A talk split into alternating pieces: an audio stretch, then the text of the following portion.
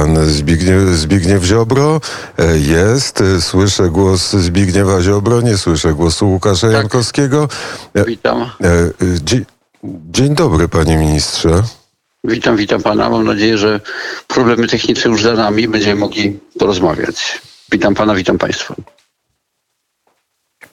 Halo? Zbigniew Ziobro, Zbigniew Ziobro, minister e, sprawiedliwości jest e, przy telefonie. E, Krzysztof Skowroński, witam serdecznie panie e, ministrze i pytam, jak e, zdrowie, e, szczególnie zdrowie polityka i zdrowie Zjednoczonej Prawicy. Dziękuję bardzo. Nie narzekam, jeśli chodzi o zdrowie. Natomiast jeśli chodzi o zdrowie Zjednoczonej Prawicy, to to zależy, co rozumieć teraz przez Zjednoczoną Prawicę, bo to już jest e, inny zakres pojęć niż ten, e, który mm, kojarzymy z roku 2014, kiedy ta Zjednoczona Prawica była rzeczywiście ogłaszana. Natomiast mm, myślę, że koalicja mm, mimo perturbacji w nowej formule przetrwa i będzie mogła realizować te cele, które są ważne dla Polski. E, Przed e, nami e, bardzo ciężki sezon polityczny, bardzo ważne głosowania, bardzo ważne ustawy dotyczące polskiego ładu. Czy ten polski ład, zdaniem pana ministra, zostanie w Sejmie przeforsowany? Czy będzie tak, że uda się wprowadzić ten wielki program reform gospodarczych w Polsce i czy, czy wystarczy głosów w polskim parlamencie? No, mm, czas jest sędzią nieomylnym, jak mawiał de Tocqueville, więc e, też i e, wnet się przekonamy. E, natomiast na dzień dzisiejszy, jeśli pan mnie pyta, wydaje się, że są realne szanse na to, aby mm, większość sejmowa mm, mogła skutecznie funkcjonować. Oczywiście to wymaga też dyscypliny wszystkich posłów, bo opozycja będzie starać się za wszelką cenę mm, wkładać kij w szprychę i wykorzystać mm, najmniejszy moment e, dekoncentracji choćby jednego posła, e, który wyjdzie do przysłowiowej toalety, by, mm, by wywrócić jakieś ważne głosowanie niezależnie czego by dotyczyła ustawa, ale e, obserwujmy, w- tym sensie nie jest to łatwe, rzecz jasna przedsięwzięcie, ale jak najbardziej arytmetyka przemawia w tej chwili za Zjednoczoną Prawicą. I jest e, całkowity, e, całkowita e, solidarność wewnątrz już tego mniejszego obozu Zjednoczonej Prawicy, czy też Solidarna Polska, tak jak wielokrotnie słyszeliśmy, niektóre te punkty z Polskiego Ładu, a szczególnie te dotyczące energetyki, kwestionuje i mówi, że powinno być inaczej, że prawica obiecywała, że polska energia będzie inaczej zbudowana niż ma być zbudowana w wyniku transformacji Zielonego Ładu. To jest prawda. To znaczy, prawdą jest to, że mm, w Katowicach w 2014 roku, 14 roku, w 2000 2014 roku mm, odbył się kongres. Efektem jego był mm, program wydany w formie książki. Można do niego sięgnąć też w internecie i tam każdy przeczyta, że Zjednoczona Prawica przyjęła zobowiązanie wobec wyborców w własnym programie, iż nie będzie forsować e, tego mm, e, skrajnego modelu mm, e, proponowanego przez Zachód gwałtownego ograniczenia wykorzystania węgla jako mm, e, en- mm, źródła energii, mm, ponieważ w warunkach Polski, abstrahując od tego, czy jest ocieplenie klimatyczne, czy nie jest, czy, czy, czy jeżeli jest, to czy głównym winowajcą tego jest człowiek, czy też to są naturalne procesy, które wielokrotnie na przestrzeni dziejów Ziemia przechodziła różne, rzecz jasna, zmiany klimatyczne, ale abstrahując całkowicie od tego, to faktem politycznym jest to, że Unia Europejska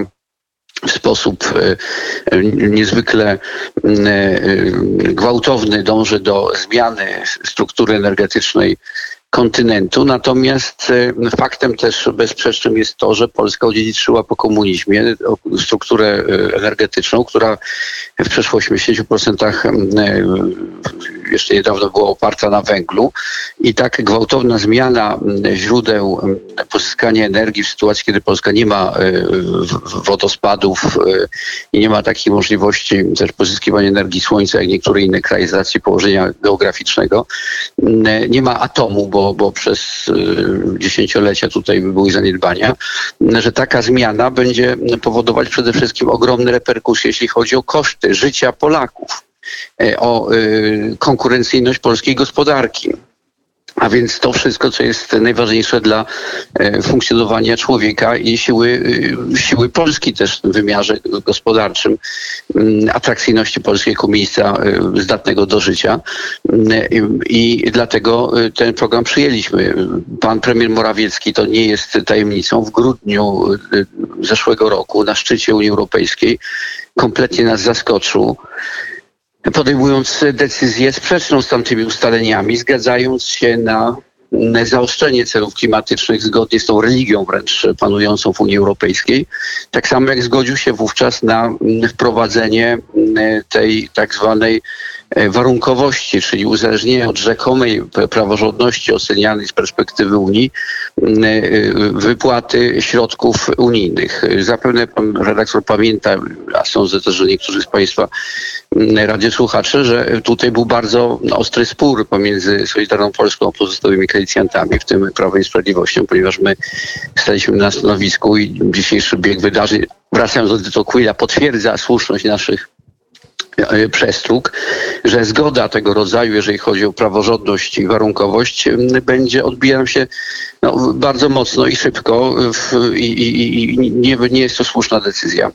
E, widzimy, że to się potwierdza, ale też wielokrotnie przestrzegaliśmy, apelując o rzetelną debatę na temat skutków zaostrzenia pakietu klimatycznego, mówiąc, że to bardzo mocno uderzy w portfele Polaków y, i to bardzo obniży konkurencyjność polskiej gospodarki. I niestety wtedy bez konsultacji z nami pan premier również podjął decyzję, która pozostała w oczywistej sprzeczności z programem przyjętym przez Zjednoczone Prawice, mianowicie zgodził się na zaostrzenie polityki klimatycznej. My, abstrahując od tego, że uważamy, że było to niezgodne z naszym programem Zjednoczonej Prawicy, abstrahując od tego, że um, uważamy, że uderza, o czym już mówiłem, że uderza to w, w perspektywie najbliższych lat w interesy y, Polski i Polaków, tak jak my je postrzegamy, definiujemy, to zwracaliśmy uwagę, że ewentualne weto byłoby dla nas też potężną bronią bo tak to trzeba też i widzieć w, tym, w tej grze interesów i brutalnej czasami grze,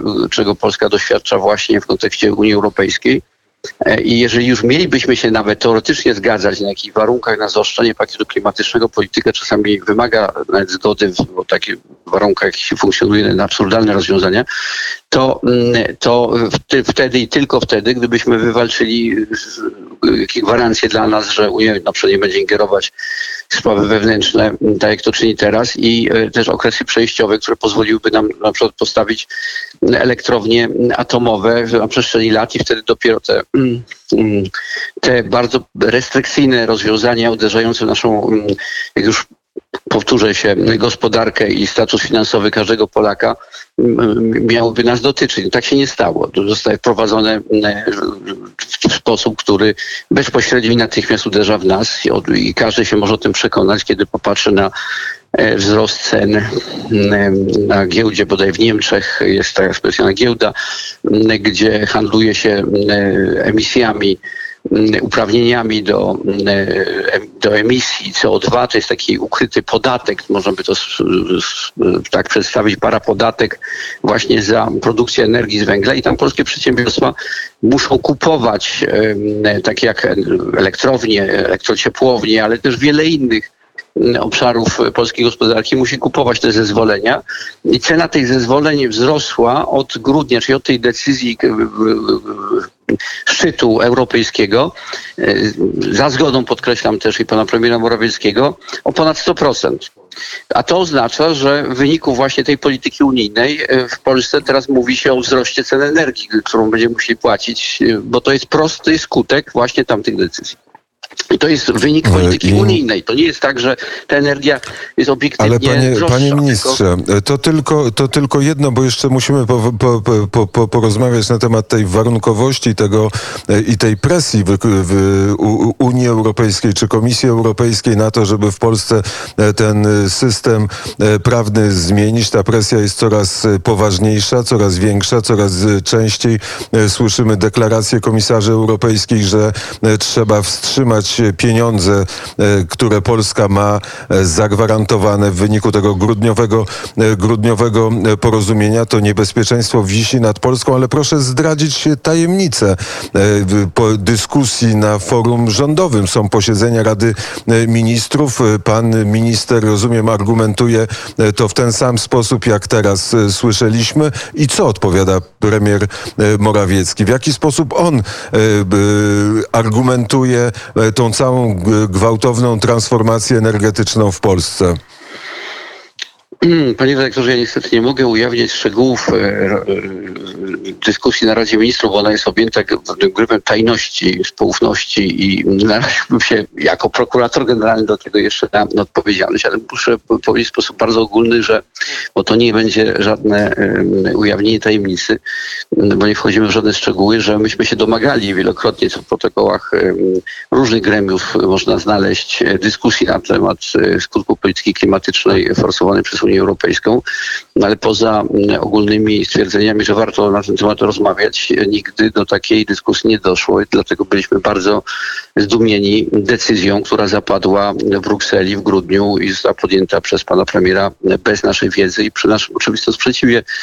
Stąd nasze wątpliwości wówczas powstały, czy my możemy w takich warunkach funkcjonować w koalicji no bo to są sprawy zasadnicze na przyszłość prowadzące e, i stąd ten dylemat był zarząd Solidarnej Polski. Rozważaliśmy wszystkie argumenty i to, co przeważyło, to fakt, że nasze wyjście z rządu oznaczałoby, nie popieranie tego rządu oznaczałoby konsekwencje w postaci wyborów przedterminowych i dojście do władzy, jak sondaże wskazywały, najprawdopodobniej środowisk, które są jeszcze bardziej prounijne i gotowe do forsowania wszelkich rozwiązań, które Unii Bruksela narzuca, e, a, a, a te rozwiązania z kolei, o czym już mówiłem, w moim przekonaniu nie służą rozwojowi Polski na przyszłość, nie zwiększają szans Polski w, w relacji z innymi państwami Unii Europejskiej, a zwiększają szanse na to, że Polacy, młode pokolenie Polaków, których niestety nie rodzi się tak wielu, jak powinni, jakbyśmy pewnie oczekiwali, będą chętnie wyjeżdżać za granicę do pracy i tam sobie e, ścielić gniazdka i życie, niż zostawać w kraju, w którym e,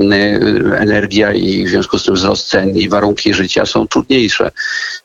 I o, o, to nas boli głowa. My jesteśmy czasami, polityka jest taka, że trzeba podejmować decyzje,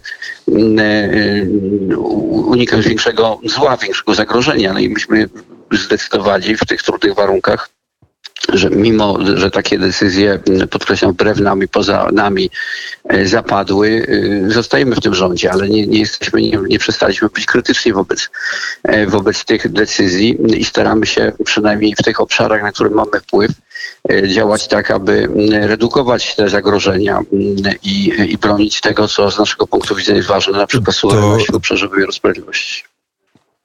To zaraz o suwerenności w wymiarze sprawiedliwości, ale czy e, pan minister może zagwarantować, że e, w tym e, sezonie politycznym od września do grudnia nie będziemy w mediach dyskutować na temat kolejnego kryzysu wewnątrz Zjednoczonej Prawicy?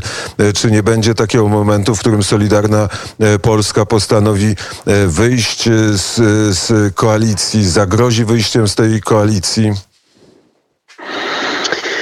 Panie redaktorze, ja nie mogę, nie jestem Kasandrą i w tym sensie nie jestem w stanie przewidzieć biegu wydarzeń w polskiej polityce, również w koalicji do końca, bo przecież to jest splot zdarzeń, który zależy od różnych ludzi, nie tylko od nas.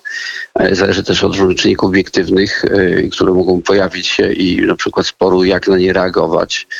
Mm, na przykład bardzo się cieszę, że była nasza wspólna reakcja i Prawo i Sprawiedliwość przyjęło naszą narrację, jeżeli chodzi o obronę polskich interesów w wymiarze tych no, skrajnie nieuczciwych, oszukańczych żądań Izraela dotyczących tego, by Polacy płacili za zbrodnie i zniszczenia niemieckie w, w, w naszym kraju, kiedy był pod okupacją niemiecką, a jest to element zakłamywania, ukradania z historii, historii, którą wszyscy Polacy znamy, Polska była ofiarą napaści Niemiec, a dziś słyszymy ze strony Izraela, że byli naziści i, i, i polscy kolaboranci. Więc ja się cieszę, tutaj na działamy zgodnie i mam to, przekonanie, że gdyby teraz był rząd e, e, lewacki, jak i lewicowo-platformerski, to e, tutaj te środowiska, nie wiem, czy wprost, czy na kolanach, czy, czy jakoś chyłkiem, zgadzałyby się na dyktat ze strony właśnie tych środowisk Izraela czy wpływowych e, środowisk amerykańskich e, będących pod wpływem presji lobby izraelskiego. E, I to jest między innymi argument, że warto ten rząd bronić, więc jest wiele obszarów, w których wspólnie działamy, jest wiele sukcesów, które też za nami w obszarze poprawy wyrównania sytuacji materialnej Polaków, wsparcia rodzin, polskich, y, likwidacji patologii, jaką była mafia VAT-owska, w której Solidarna Polska skierowany przez resort odegrał y, wiodącą rolę mm, i wielu innych y, spraw, które nas łączą. Natomiast chciałbym żeby patrzeć na to, co nas łączy i na tym się koncentruję też, nie kryję, w ramach też i Polskiego Ładu, choć są sprawy, które nas też różnią. Tego też nie będę krył, ale w imię wyższych racji szukamy kompromisu. I w tym sensie chciałbym, żebyśmy takim, ten ład... W... Tak wprowadzili Proszę. w życie, to w takim razie pytanie na temat wymiaru e, sprawiedliwości. Czy ta głęboka, e, głęboka reforma wymiaru sprawiedliwości jest e, przed nami, czy już porzucił pan minister i Zjednoczona Prawica myśl o tym, że ten wymiar sprawiedliwości można naprawić? Panie redaktorze, może wymiar sprawiedliwości to jest zbyt szerokie ujęcie, dlatego że w wymiarze sprawiedliwości, jeśli rozumieć go bardzo szeroko, to nam udało się odnieść wiele sukcesu. No, przykładem jest choćby wprowadzenie przepisów e, uderzających mafię VAT-owską, które zagwarantowały rozbicie mafii VAT-owskiej. Przypomnę rozmowę pana Grasia z tej nagranej słynnej tej restauracji Sowa i, i Przyjaciele, bodaj to się nazywała, kiedy on mówił, że z VAT-em teraz bardziej opłaca się przestępcom handlować VAT-em niż e, narkotykami, bo nie ma regulacji prawnej, nie ma konstrukcji prawnej, która pozwoliłaby przestępstwo VAT-owskie, VAT-owskie ścigać. Otóż to, co było niemożliwe dla Platformy, okazało się możliwe dla nas i w Ministerstwie Sprawiedliwości powstała zmiana prawa, która sprawiła, że posługiwanie się fałszywymi fakturami e, VAT-owskimi zostało potraktowane tak samo, e, czy sprowadzone do e, fałszowania pieniędzy i obrotu fałszywymi pieniędzmi i wprowadziliśmy sankcje do 25 lat więzienia za obrót kwotami powyżej 10 milionów i to było ciosem śmiertelnym dla mafii, bo był to bardzo prosty prosta regulacja prawna, której nie potrafiła znaleźć, jak mówił Graś, Platforma, która uderzyła bezwzględnie i znokautowała zorganizowane grupy przestępcze. To też jest sfera wymiaru sprawiedliwości, sfera komorników, którzy przecież regularnie byli opisywani przed 2015 roku, jak nadużywają bardzo wielu z nich, nie wszyscy rzecz jasna, bo byłoby to niesprawiedliwe, niesprawiedliwą generalizacją swoich uprawnień w stosunku do ludzi i to wszystko się skończyło, bo dokonaliśmy zmiany ustawy o komornikach która bardzo dobrze działa. Natomiast problem rozbił się o sądownictwo, ponieważ ta e, korporacja sędziowska, nadzwyczajna kasta przy wsparciu totalnej opozycji właśnie organów Unii Europejskiej, czy państw obcych, e, głównie Niemiec, które posługiwały się Unią Europejską, zablokowały tą reformę. Przypomnę, że pierwszym akcentem reformy nastąpił 4 lata temu poprzez weta pana prezydenta, który przyjął też narrację, argumenty w jakiejś części, w jakimś sensie też podejmując decyzje i Brukseli, przedstawiając projekty dużo bardziej konsyliacyjne i kompromisowe i mimo to nie zostało to w żadnym sensie docenione, bo dzisiaj przecież atak Brukseli dotyczy projektów przygotowanych y, przeze mnie i przez Minister Sprawiedliwości, tylko przez pana prezydenta Dudę, który już był elementem kompromisu. I tak na ten kompromis zareagowała Unia Europejska. Potem też przypomnę Państwu przez czterema laty po zmianie premiera pan premier Morawiecki uznał, że można prowadzić skuteczny dialog z Komisją Europejską, z panem Timmermansem i minister sprawiedliwości dostał czerwone światło na dalsze prace nad reformą sądownictwa. I od tego czasu skończyła się reforma, czyli cztery lata temu. Czekaliśmy na wynik tych prac, ale jak zobaczyliśmy i przekonał się o tym pan premier, który działał w dobrej wierze, jestem przekonany, y, druga strona grała fałszywymi kartami, znaczonymi kartami, oszukiwała i udając chęć kompromisu, tak naprawdę podejmowała kolejne akcje y, polityczne i procesowe przed CUE, by zablokować możliwość reformy, a przy okazji ukręcić głowę, przepraszam, suwerenności polskiego państwa. No bo jeżeli oni w tej chwili już stawiają czy- sprawę, że Polska musi to- się zgodzić na I czy to się uda? wyższości prawa, wyższości prawa europejskiego nad polską konstytucją, to oznacza koniec de facto suwerenności, nadrzędności y, suwerennego państwa nad y, strukturami międzynarodowej organizacji. To dotyczy już wszystkich dziedzin życia Polaków na przyszłość, a nie tylko y, sądownictwa. E, Panie ministrze, my jesteśmy e, w Krakowie. Pan zna Kraków jak własną kieszeń. Doszło do zatrzymania byłej pani e, wiceprezydent Krakowa. Co pan wie o tej sprawie? Tak, Kraków jest bardzo pięknym miastem. Często tęsknię też za Krakowem, ale niemniej za górami, a zwłaszcza Beskidami, bo ja jestem miłośnikiem Beskidów, po których, chodząc e, i, i, i, przedzierając się przez tamtejsze lasy piękne, sosnowe, spędzałem mnóstwo czasu. Natomiast e, e, jest to jedna z, z, z, z, jedno ze śledztw prowadzonych w, w prokuraturze. Tak wiemy, mam pewne informacje na temat tego postępowania, chociaż nie są to pewnie jakieś bardzo precyzyjne informacje, ponieważ nie zajmuje się jego nadzorem. To jest postępowanie prowadzone przez prokuraturę okręgową e, w Krakowie e, i e, tak jak przedstawiono mi na naradzie, bo na co dzień e, nadzoruję prokuraturę poprzez e, spotkania z moimi zastępcami, którzy relacjonują mi najważniejsze kierunki śledztw i działania, które są prowadzone przez prokuraturę, to są wszelkie podstawy do, do działań e, w tym, w ramach tego postępowania. Ale proszę wybaczyć o szczegółach z racji interesu śledztwa, ale też i nie, nie będę krył, że y, nie, nie posiadam bardzo wnikliwych informacji na temat tego postępowania, y, a nawet te, które posiadam, niestety nie jestem uprawniony w tej chwili przedstawiać, bo y, tak mi to przedstawili y, moi zastępcy, że śledztwo wymaga jeszcze y, wielu nakładów sił i y, przedstawienie zbyt wielu informacji mogłoby zaszkodzić ustaleniu tego postępowania. To na zakończenie pytanie, które skieruję do pana e, Magdalena Uchaniuk. E, e, Czy o dobrowolność szczepień, czy w Polsce będzie to zachowane? Panie redaktorze, Solidarna Polska ma w parlamencie y, 19 głosów, a wiele wskazuje, że niedługo mamy szansę mieć 20 posłów, więc y, z całą pewnością decyzja naszego środowiska jest taka, że nie zgodzimy się na prowadzenie y, obowiązkowego szczepienia. Y, y, Jesteśmy za tym, aby prowadzić szeroko akcje y, y, które informacyjne, które przedstawiają argumenty za i przeciw y, i pozwalają Polakom dokonać wyboru.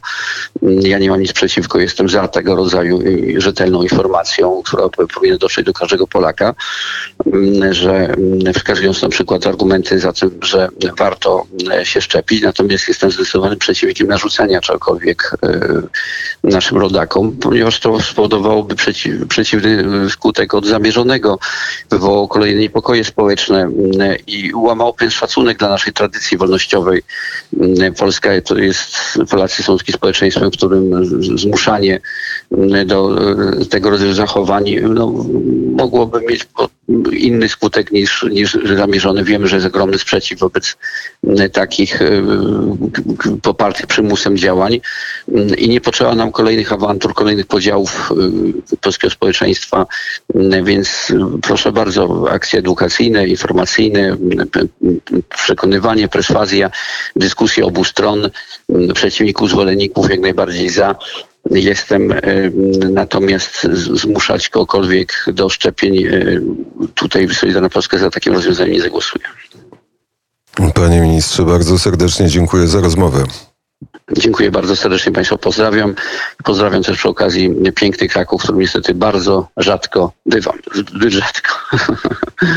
pozdrawiam serdecznie, dziękuję Zbigniew, bardzo. Zbigniew Ziobro, minister sprawiedliwości, był gościem e, poranka wnet, a teraz e, szybko przenosimy się e, do Krakowa. Tam jest Grzegorz Milko i jego goście.